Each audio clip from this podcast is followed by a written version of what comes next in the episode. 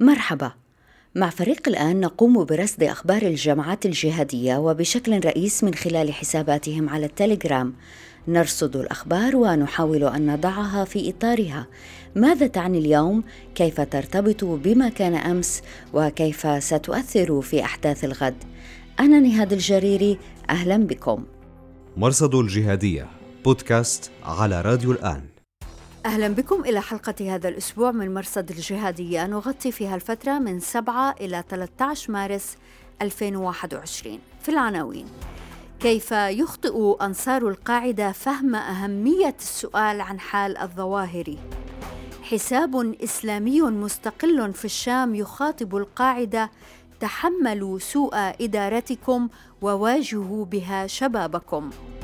الخارجية الأمريكية تدرج على قوائم الإرهاب كلا من داعش الكونغو بزعامة موسى بالوكو وداعش موزمبيق بزعامة أبو ياسر حسن. وثبوت كذب الفتاة التي حرض والدها زورا على مدرس التاريخ الفرنسي المغدور سامويل باتي. ضيف هذا الأسبوع عروة عجوب الباحث في مركز دراسات الشرق الأوسط التابع لجامعة لوند في السويد يحدثنا عن تطور الجوانب العقدية والسياسية في السلفية الجهادية. وبإمكانكم الرجوع إلى نص هذه الحلقة في أخبار الآن دوت نت. مرصد الجهادية بودكاست على راديو الآن. نبدأ من الإصدار الأخير الذي بثته مؤسسة السحاب الذراع الإعلامية للقاعدة المركزية في خراسان باكستان وأفغانستان الذي أخفق في إثبات أن الظواهر على قيد الحياة بعد تردد شائعات في نوفمبر الماضي أنه توفي. بداية لا يبدو أن أنصار القاعدة يدركون أهمية الأمر الذي يتعدى حقيقة حضور الرجل أو غيابه. للأمر تبعات تتعلق بأدبياتهم التي فرضوها هم أنفسهم ولا أحد سواهم كما سيأتي بعد قليل. لنبدأ اولا بتفصيل مشاكل الإصدار الذي عنوانه الروهينجا جرح الأمة كلها. لم يظهر الظواهر وجاهيا بث صوته المسجل على صورة ثابتة له أو على مقاطع أرشيفية. كلام الظواهر عن الروهينجا جاء عاما ينطبق على أي زمان في مأساة روهينجا ميانمار بما في ذلك الفترة التي سبقت انتخاب أنغ سان سوتشي على هرم أول حكومة ديمقراطية هناك وذلك في نوفمبر 2015 لم يشر الظواهري إلى انقلاب العسكر في 1 فبراير الماضي. فالعسكر هم الأشد وطأة على الروهينجا بل إن الظواهري أشار إلى حكومة ميانمار الديمقراطية وهي حكومة لم يعد لها وجود منذ ذلك التاريخ. لم يشر إلى الانتخابات التي ضمنت للحكومة الديمقراطية بزعامة سوتشي ولاية ثانية. الانتخابات تمت في 8 نوفمبر 2020 أي قبل هذا التسجيل بأربعة أشهر تقريباً. مجموع ما تحدثه الظواهري كان حوالي خمس دقائق من أصل 21 دقيقة هي مدة الفيديو. المسائل التي تتعلق بالأحداث العاجلة والحالية تولاها المعلق. لم يشر الظواهري إلى أي من الأحداث التي احتفى بها أنصار القاعدة في الصومال أو الشام والتي وردت مقاطعها تحت صوت المعلق من دون تفصيل. لم يلحق اسم الظواهري بعبارة حفظه الله والحقيقة لا أدري إلى أي درجة هذا الأمر مهم. فمثلا في إصدار عن أسامة بن لادن بعنوان معركة جاجي لم يلحق اسمه في الغلاف بعبارة تقبله الله مثلا. في حالة الظواهر كان عبارة حفظه الله تذكر في متن الإعلان حتى لو لم تذكر في الغلاف. كما حدث في غلاف إصدار معا إلى الله النسخة الإنجليزية أو إصدار صفقة القرن. في هذا الإصدار عن الروهينجا لم تذكر عبارة حفظه الله لا في الغلاف ولا في المتن. ثمة أسبقية. في 2 فبراير 2020 بثت الملاحم كلمة لقاسم الريمي يتبنى فيها هجوم بنساكولا وكان لافتا أنه لم يلحق باسم قاسم الريمي لا عبارة حفظه الله ولا طبعا رحمه الله. أمريكا كانت أعلنت في يناير أنها قتلت الرجل. بعد إصدار بنساكولا بأسبوعين أكدت الملاحم قتل الريمي. مرصد الجهادية. ثانياً آخر ظهور موثق للظواهر كان في فبراير 2020 في تقرير الأمم المتحدة عن الوضع في أفغانستان والمنشور في مايو 2020 ذكر أن الظواهر التقى أعضاء من شبكة حقاني في فبراير 2020 للبحث في اتفاق طالبان واشنطن. ونذكر أنه في سبتمبر 2020 بثت السحاب فيديو تحدث فيه الظواهري وكان بعنوان صفقة القرن لكن الظواهري لم يأتي على ذكر العبارة ولم يشر إلى المؤتمر الصحفي الشهير بين ترامب ونتنياهو في يناير 2020 أشار إلى ثلاثة أحداث ترتبط بتاريخ. نقل واشنطن سفارتها إلى القدس في مايو 2018 عقد ندوة المنامة في يونيو 2019 وتقرير بث على محطة عربية في يوليو 2019 إذا آخر ظهور موثق للظواهر كان في فبراير 2020 مرصد الجهادية. ثالثا الخلاصة. مسألة حياة أو موت الظواهر ليست مهمة لنا نحن. هي مهمة لأنصار القاعدة. يجب أن تكون مهمة لأنصار القاعدة. فلو افترضنا أن الظواهر توفي ثمة مسألتان يجب أن يحسمهما أنصار القاعدة أولا البيعة هل بايع أمراء فروع القاعدة أميرهم الجديد؟ هل تمت البيعة سرا؟ ألا يجب أن يعرف الجنود بذلك؟ أم أن منظري القاعدة سيبررون كما برر منظرو داعش بأن البيعة لأمير مجهول أمر جائز؟ ثانيا من هو الأمير الجديد؟ هل هو سيف العدل الذي يعيش في إيران؟ وهذا بشهادة خالد العروري أبو القسام الأردني. هل لدى أنصار القاعدة مشكلة في أن يقودهم رجل من طهران؟ وقد أفردنا للعلاقة بين إيران والقاعدة ملفا كاملا في الحلقة رقم 76 من المرصد. وكان عنوانها سيف العدل تدرب في معسكرات حزب الله وأشرف على تدريبه عماد مغنيه هل الأمير الجديد خالد باطرفي الذي بالكاد يستطيع إدارة فرع اليمن أم هو الصهر الظواهري المغربي محمد أباتي أم السعودي سلطان العارف اللذان أدرجتهما واشنطن على قائمة الإرهاب في يناير 2021 ولا يعرف أين هما الآن إن كانت ظواهري على قيد الحياة فلا شك أنه بعيد عن الأحداث الجسام التي تعصف بأتباعه الذين يترقبون إصداراته كل مرة بفارغ الصبر. مرصد الجهادية في ردود الفعل لن نتطرق إلى أنصار داعش لأن موقفهم واضح وليسوا بأفضل حال مع الخليفة المزعوم أبي إبراهيم. سنركز على أنصار القاعدة. مشرفو مجموعة نصرة أهل الحق حرصوا على شطب الرسائل السلبية مثل رسالة مشارك. قال إن الإصدار لا يدل على أن الكلمة جديدة. حساب جلاد المرجئة وهو حساب معتبر موالي للقاعدة. قال ما لفت الانتباه في منشورين منفصلين. في الأول قال ما معناه إن موت الظواهر لا يعني موت الجهاد. لكن في المنشور الثاني تحدث عن ممارسات هيئة تحرير الشام بحق المعتقلين لديها خاصة من مشايخ القاعدة وسمى منهم آه، أبا عبد الرحمن المكي عضو مجلس شورى حراس الدين وأبا يحيى الجزائري الذي عزله العريدي وأبو همام من الحراس. ما لفت هنا هو الجملة الأخيرة لجلاد المرجئة. قال لابد أن يكون لمشايخ وكوادر وقادة الجهاد في الشام وخارجها كلمة فصل وموقف حازم مما يحدث في ساحة الشام. ويعلم جلاد المرجئة أن لا الظواهر ولا المركزية تحدثا في أمر هؤلاء منذ البيان ضد الهيئة في يونيو 2020 حساب خيال المنهج الشامي أو منبرنا الذي يعرف عن نفسه بأنه مستقل كتب تحت عنوان أكرموا موتاكم بدفنهم يقول مخاطبا القاعدة تحملوا سوء إدارتكم وضعفكم وواجهوا بها شبابكم حتى يتدبروا أمرهم. أفلم يجد الدكتور في نوازل الأمة والمخاطر المحيطة بالجهاد غير مسألة الروهينجا؟ هذا استخفاف صريح من قيادة القاعدة بعقول شبابهم. مرصد الجهادية بودكاست على راديو الآن.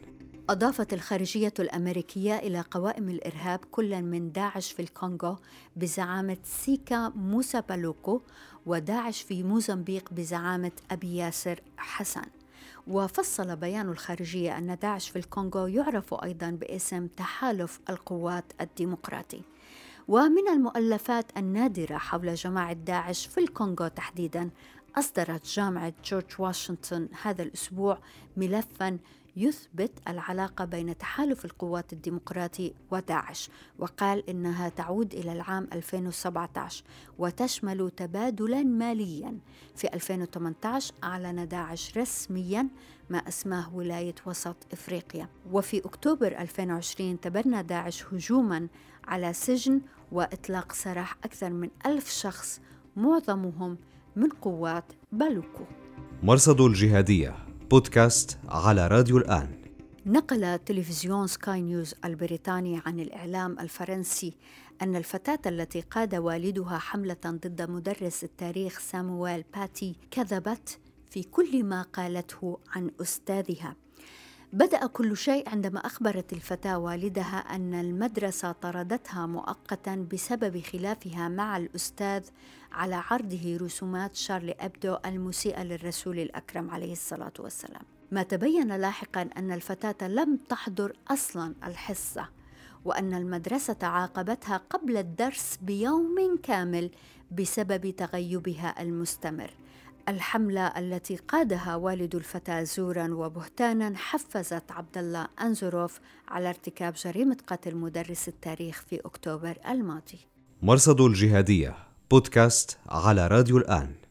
في هذا الأسبوع الإيديولوجيا حاضرة في الأخبار الجهادية. صدر أخيرا تقرير مميز يوضح كيف تطورت الجوانب الإيديولوجية بموازاة السياسية لدى الجماعات الجهادية كتب التقرير عروة عجوب الباحث في مركز دراسات الشرق الأوسط التابع لجامعة لوند في السويد. شكرا جزيلا أستاذ عروة لوجودك معنا. شكرا جزيلا لهذه الاستضافة. في التقرير تقسم مراحل تطور الجوانب العقدية والسياسية للجماعات الجهادية إلى خمسة أقسام. حتى نؤسس لما سيأتي ممكن توصف لنا هذه الأقسام أو المراحل؟ آه، طبعا. يمكن تقسيم تطور السلفية الجهادية إلى خمس مراحل تاريخية آه، أو مفاهيمية إذا صح التعبير. خلال مرحلته الأولى في ثمانينات القرن الماضي آه، تركز الجهاد بشكل رئيسي على مناصرة وتضامن المسلمين مع إخوانهم في أفغانستان لطرد القوات السوفيتية منها. أطلق الأستاذ حسن أبو هنية آه، على هذا الجهاد اسم الجهاد التضامني بحيث أن يعني المقاتلين تضامنوا مع إخوانهم المسلمين في أفغانستان. تم التنظير لهذه المرحلة من قبل عبد الله عزام المعروف باسم آه، أبو الجهاد العالمي. آه، أعتقد يعني بصمة عزام أو إرثه الأيديولوجي لا يمكن الاستخفاف به حيث أنه أفتى بأن الجهاد في أفغانستان فرض عين أي أنه مفروض على كل مسلم قادر على القيام آه، به دون الحاجة إلى سلطة دينية لإقراره. مما أدى إلى تحجيم آه، آه، أثر يعني أو تأثير المؤسسة الدينية في كل أنحاء العالم على الشباب المتحمس أو المحبط أو الذي يريد تأدية فريضة الجهاد بشكل ما. المرحلة الثانية اتضحت ملامحها عقب الغزو العراقي للكويت عام 1990 والانتشار العسكري الأمريكي في السعودية في عامي 1996 و 98 على التوالي. أصدر بن لادن وغيره من المنظرين الجهاديين بيانات أفتوا من خلالها. أن الجهاد أيضا فرض عين آه، ضد الجيش الأمريكي في المملكة العربية السعودية ومن ثم ضد ليس فقط العسكريين من الأمريكيين ولكن المدنيين من الولايات المتحدة آه، وحلفائها في جميع أنحاء العالم. تجلى هذا التصور المتشدد للجهاد في هجمات المأساوية في الحادي عشر من سبتمبر. المرحلة الثالثة من تطور السلفية الجهادية بدأت مع الغزو الأمريكي لأفغانستان لا شك فيه يعني إنه الغزو حقق نجاح عسكري ضد القاعدة من خلال اعتقال واغتيال العديد من كبار أعضاء القاعدة وحرمان الجماعة من ملاذها الآمن. لكن يعني التنظيم بدأ بتحويل نفسه من منظمة مركزية إلى أخرى مرنة لا مركزية قادرة على العمليات القيام بعمليات نوعية في جميع أنحاء العالم طبعا أبرز منظرين هذه المرحلة كان أبو مصعب السوري الذي أسس فكريا لمفهوم الإرهاب الفردي أو الذئاب المنفردة في كتابه دعوة المقاومة الإسلامية.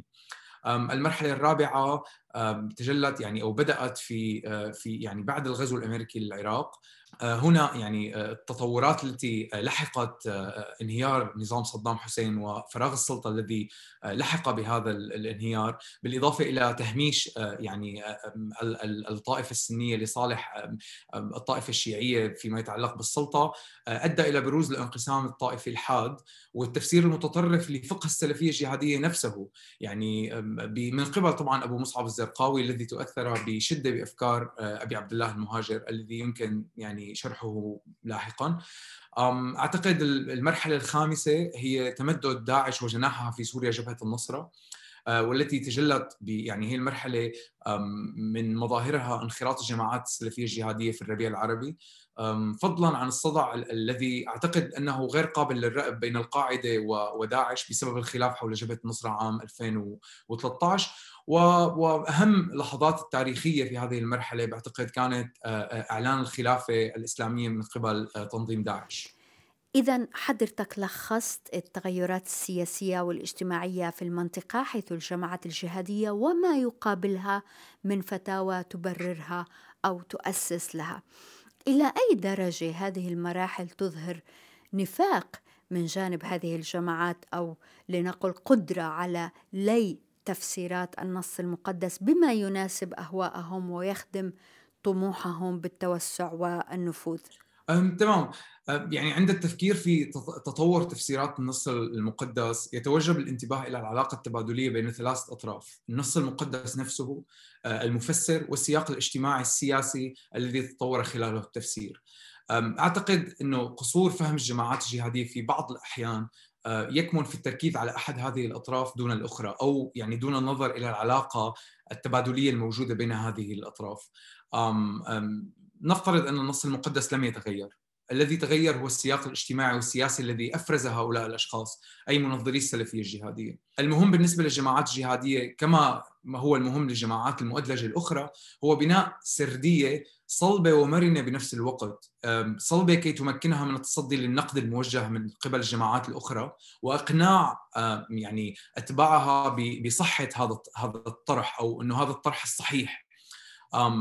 ويجب أن تكون السردية مرنة يعني في حال آه، تم تحدي أو هزيمة أحد ركائزها فبإمكانها الالتفاف حول الهزيمة من دون القبول لذلك. لذلك يعني يتم استحضار نصوص فقهية أو فتاوى لرجال دين مغمورين آه، وال يعني المحاجة بها أو إهمال آراء فقهية لرجال دين مهمين ولكنهم لا يتوافقون مع منظري السلفية أو السردية المطروحة. لذلك أعتقد يعني يتعلق الموضوع في بناء السردية في الظرف السياسي الاجتماعي الذي يحيط في تطور النص. مثل مين أستاذ عروة؟ رجال دين تم التغافل عن فتواهم وآخرين مغمورين تم الخوض أكثر في فتاويهم. يعني هلأ يحضرني مثال فيما يتعلق بأنه يعني استخدام الفتوى المناسبة أكثر من إنه الرجل الدين الذي تم إهماله. يعني اليوم لما من لما بنسمع الخطاب الفقهي السلفي الجهادي تحديدا يعني الأساسات الأيديولوجية بتبدأ بإنه في تقسيم جيو ايديولوجي للديار اللي هو دار الإسلام ودار الكفر. آه وهذا متفق عليه يعني في إجماع عليه ضمن خليني أقول آه شيوخ السلفية الجهادية. بإنه دار الإسلام ودار الكفر، دار الإسلام حيث تطبق الشريعة، دار الكفر حيث لا تطبق الشريعة. إذا اليوم بنقول نحن من هو يعني الأب الفقهي لجماعات السلفية الجهادية، يمكن القول إنه ابن تيمية أحد الآباء الفقهيين صح؟ ولكن ابن تيمية بنفسه عندما سئل على يعني بفتوى ماردين عندما سئل عن عن عن حكم الديار فجاوب بإنه هي دار مركبة ليست دار إسلام وليست دار كفر. لم يتم استخدام هي الفتوى تبع ابن تيمية ولكن استخدم فتاوى أخرى يعني فيما يتعلق بالقتال الشيعة. آه، آه، بأنه قال هو قتال الشيعة أولى من قتال الخوارج. وبالتالي يعني حتى ابن تيمية بحد ذاته تم استخدام الفتوى المناسبة للمرحلة يعني الزرقاوي استخدم ووظف فتاوى ابن تيمية فيما ناسبه.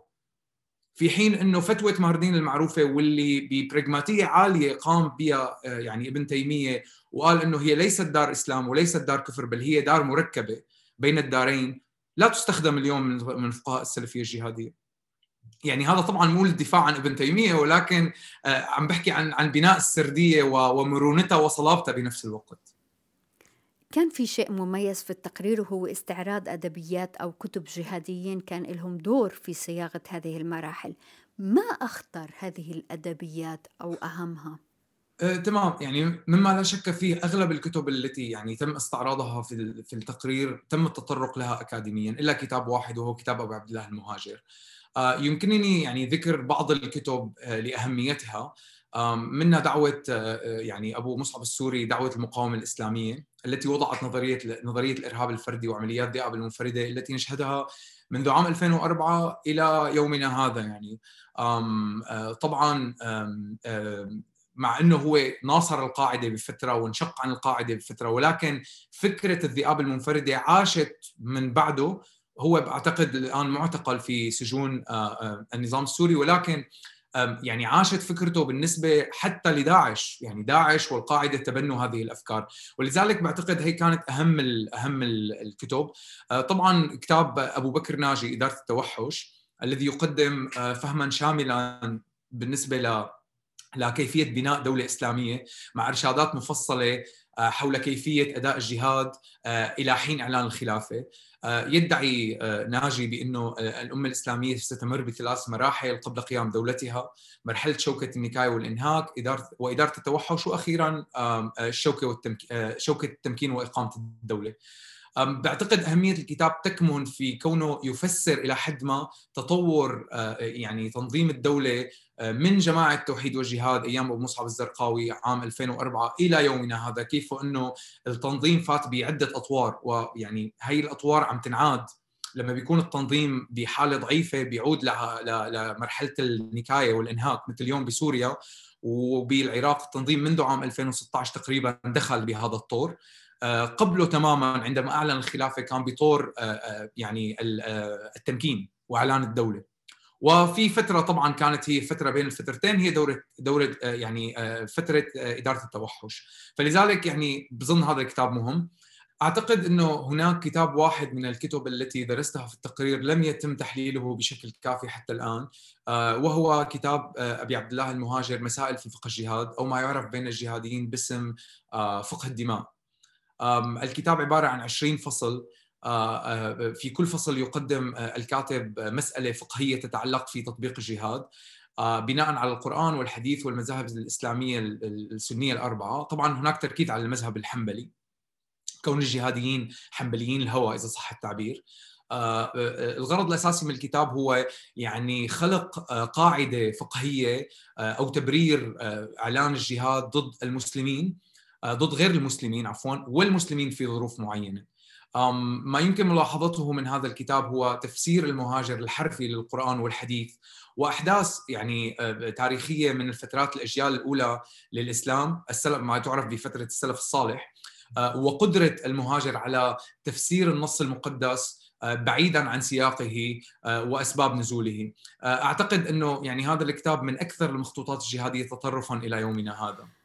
أستاذ عروة أتوقف معك قليلا عند مرحلة الزرقاوي آه، وتنقل آه، هنا في تقريرك أنه آه، أسامة بن لادن أو القاعدة المركزية أذعنت للزرقاوي وقبلت بيعته بشروطه هو بالرغم من الاختلاف بين الفريقين حول استهداف الشيعة في العراق. إلى أي درجة هذا السلوك بيعزز اللي حكيناه سابقا عن نفاق هذه الجماعات وتطويعها وليها للنصوص والتفسيرات. أم يعني هذا سؤال جدا مهم آه، نهاد. تحديدا لأنه اليوم يعني بنسمع عم نسمع عن علاقة القاعدة وإيران وهذا اللغط الأخير الذي حدث بعد تصريحات بومبيو. أم بعتقد في توصيف خاطئ للعلاقة إما بالمبالغة بشكلها وحدتها أو بالتقليل من أهميتها. تنظيم القاعدة الأم آه، اختبر ما يمكن تسميته بزواج المصلحة يعني مرتين على الأقل. أول مرة بعلاقته مع إيران وثاني مرة بعلاقته مع الزرقاوي. آه، مما يشير إلى انه النصوص الدينية أو حتى تفسيراتها لم تكن ابدا المحرك الوحيد وراء الخيارات السياسية والعسكرية للجماعات الجهاديه بغض النظر عن كيفية وصفها لنفسها. وهذا ما حاولت المجادلة به في التقرير. يعني عندما بايع الزرقاوي بن لادن في أكتوبر 2004 معلنا انشاء تنظيم القاعدة في العراق كان قد يعني يعني الزرقاوي قد احتاج لاسم القاعدة كونها المنظمة الرائدة والقائدة في فضاء السلفية الجهادية حتى يتمكن من الحصول على التمويل وجذب الجهاديين الاجانب للانضمام إلى الانضمام إلى مجموعته في العراق، يعني كانت العراق أرض خصبة كما نعلم بعد بعد الغزو الأمريكي. من ناحية أخرى لم يشأ بن لادن يعني أن يظهر بمظهر الضعيف أمام العالم. وأمام الزرقاوي يعني حيث أنه القاعدة كانت قد تلقت ضربة كبيرة بعد الغزو الأمريكي لأفغانستان. ومع ذلك يعني كان التوجه كان يتوجب على الزعيمين مواجهة معضلة إيران. بعد الغزو الأمريكي لأفغانستان فر العشرات من قادة الصف الأول إلى إيران وهذا سر معروف منذ الغزو يعني الأمريكي لأفغانستان حمزة بن لادن كان هناك آه، سيف العدل آه، أبو حفص الموريتاني. سيف العدل هو الزعيم المتوقع للقاعدة في حال صحة خبر آه، وفاة الظواهري. يعني القاعدة لم تكن تريد استهداف الشيعة لسببين، الأول متعلق بعدم الضغط على المعتقلين في إيران ويعني كما ورد في رسالتي الظواهري والمقدسي إلى الزرقاوي وأيضا سبب عملي لأنه يعني سبب ديني بسبب إنه العذر بالجهل بأنه الإيرانيين أو الشيعة عموم الشيعة هم مثل العموم السنة فهم يعني جاهلين بالدين الإسلامي يعني بين المعتقدتين الصحيح. وبالتالي يجب يعني تعليمهم الدين الصحيح. فيعني بعتقد أنا الموضوع حتى بمؤخرا ظهر تقرير لعلي صوفان عم يحكي عن إنه كيف سيف العدل تدرب مع مع حزب الله بلبنان يعني بالتسعينات. ولذلك القاعدة منظمة براغماتيه لديها أهداف قد تتغير الاستراتيجيات لتحقيق هذه الأهداف. ولكن بالنهاية ال ال ال يعني هناك تراتبية للأهداف وهذا كان خلاف الزرقاوي مع خلاف القاعدة. ومثل ما حكينا من شوي إنه ابن تيمية فتوى ابن تيمية فيما يتعلق آه، عن حكم الشيعة لم تستحضر في فقه القاعدة إنما استحضرت في فقه داعش. ورغم إنه هو يعني الأب الفقهي أو العقدي إذا صح التعبير للفريقين لاغلب المنظرين السلفية الجهادية. فبعتقد هذا اللغط عم يكون عم يكون سببه آه، يعني الطبيعة السياسية لتحليل الموقف والعلاقة بين إيران والقاعدة. الأستاذ عروة عجوب الباحث في مركز دراسات الشرق الأوسط التابع لجامعة لوند في السويد. شكرا جزيلا لوجودك معنا. شكرا جزيلا نهاد. شكرا لك وشكرا جزيلا لوجودكم معنا في راديو وتلفزيون الآن أنا نهاد الجريري. مع السلامة. مرصد الجهادية بودكاست على راديو الآن